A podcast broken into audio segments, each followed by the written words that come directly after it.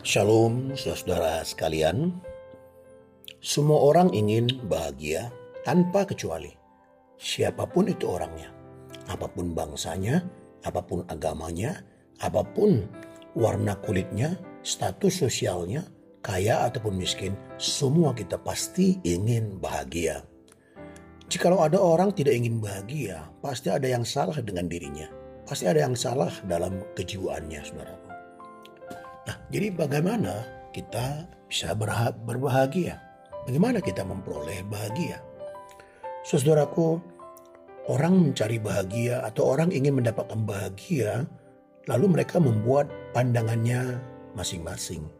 Misalnya, ada orang berkata, kalau ia dekat dengan orang yang hebat, orang yang terkenal, pasti ia akan bahagia karena pikirnya dia menjadi populer dan banyak juga disukai atau dicari oleh orang banyak. Ada juga yang berkata, kita bahagia atau aku bahagia kalau aku dekat pendeta besar, pendeta yang disukai orang, pendeta yang memiliki kerohanian yang baik. Nah nanti aku pasti akan tambah rohani kalau aku dekat dengan dia.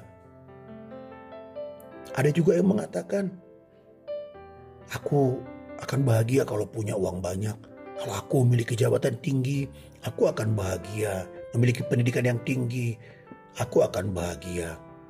Dan ada juga yang berkata bahwa kita bisa bahagia, kita baru bisa mendapat kebahagiaan kalau kita bebas melakukan apa pun yang kita inginkan. Benarkah demikian saudaraku? Namun itulah pandangan masing-masing orang. Tetapi sebagai orang percaya, ya, kita harus menemukan dari Alkitab kita. Apa kata Alkitab? Bagaimana kita bisa berbahagia? Di dalam Lukas 11 ayat 27 dan 28 saudaraku.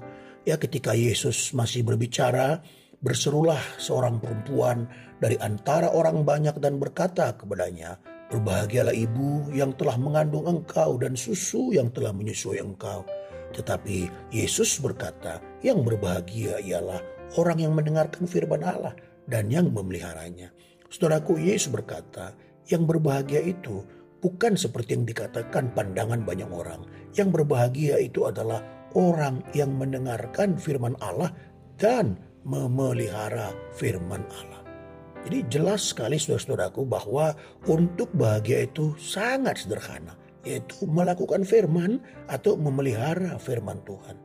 Bahkan saudaraku ya menjadi ibu Yesus, menjadi wanita yang melahirkan Yesus itu bukanlah jaminan bahwa dia adalah orang yang bahagia itu. Itu tadi sebabnya dikatakan oleh seorang wanita, ya berbahagialah ibu yang mengandung engkau dan susu yang telah menyusui engkau. Tuhan Yesus tidak langsung menjawab itu.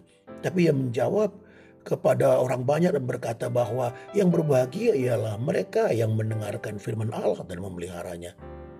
Jadi saudaraku yang dikasihi Tuhan Yesus Kristus. Jadi bukan soal kedekatan-kedekatan hubungan darah. Bukan. Tetapi yang melakukan firman Tuhan. Ibu Yesus pun tidak disebut orang berbahagia. Maria tidak juga disebut orang berbahagia. Kalau ia tidak melakukan firman Tuhan. Tapi kita sama-sama tahu bahwa Maria adalah orang yang melakukan firman Tuhan. Dia seorang wanita yang hebat, saudaraku. Dia hamil tanpa bersuami, tapi dia bisa berkata, ya, uh, jadilah seperti yang engkau kehendaki, karena aku hanyalah seorang hamba. Padahal ada resiko di situ. Ada resiko, dia bisa dilempari batu, dirajam batu, karena hamil tak bersuami, saudaraku yang dikasih Tuhan.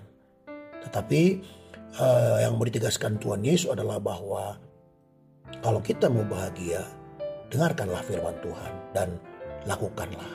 Nah, misalnya apa, saudaraku? Sederhana. Ya, sederhana. Misalnya Alkitab berkata, bersyukurlah dalam segala hal.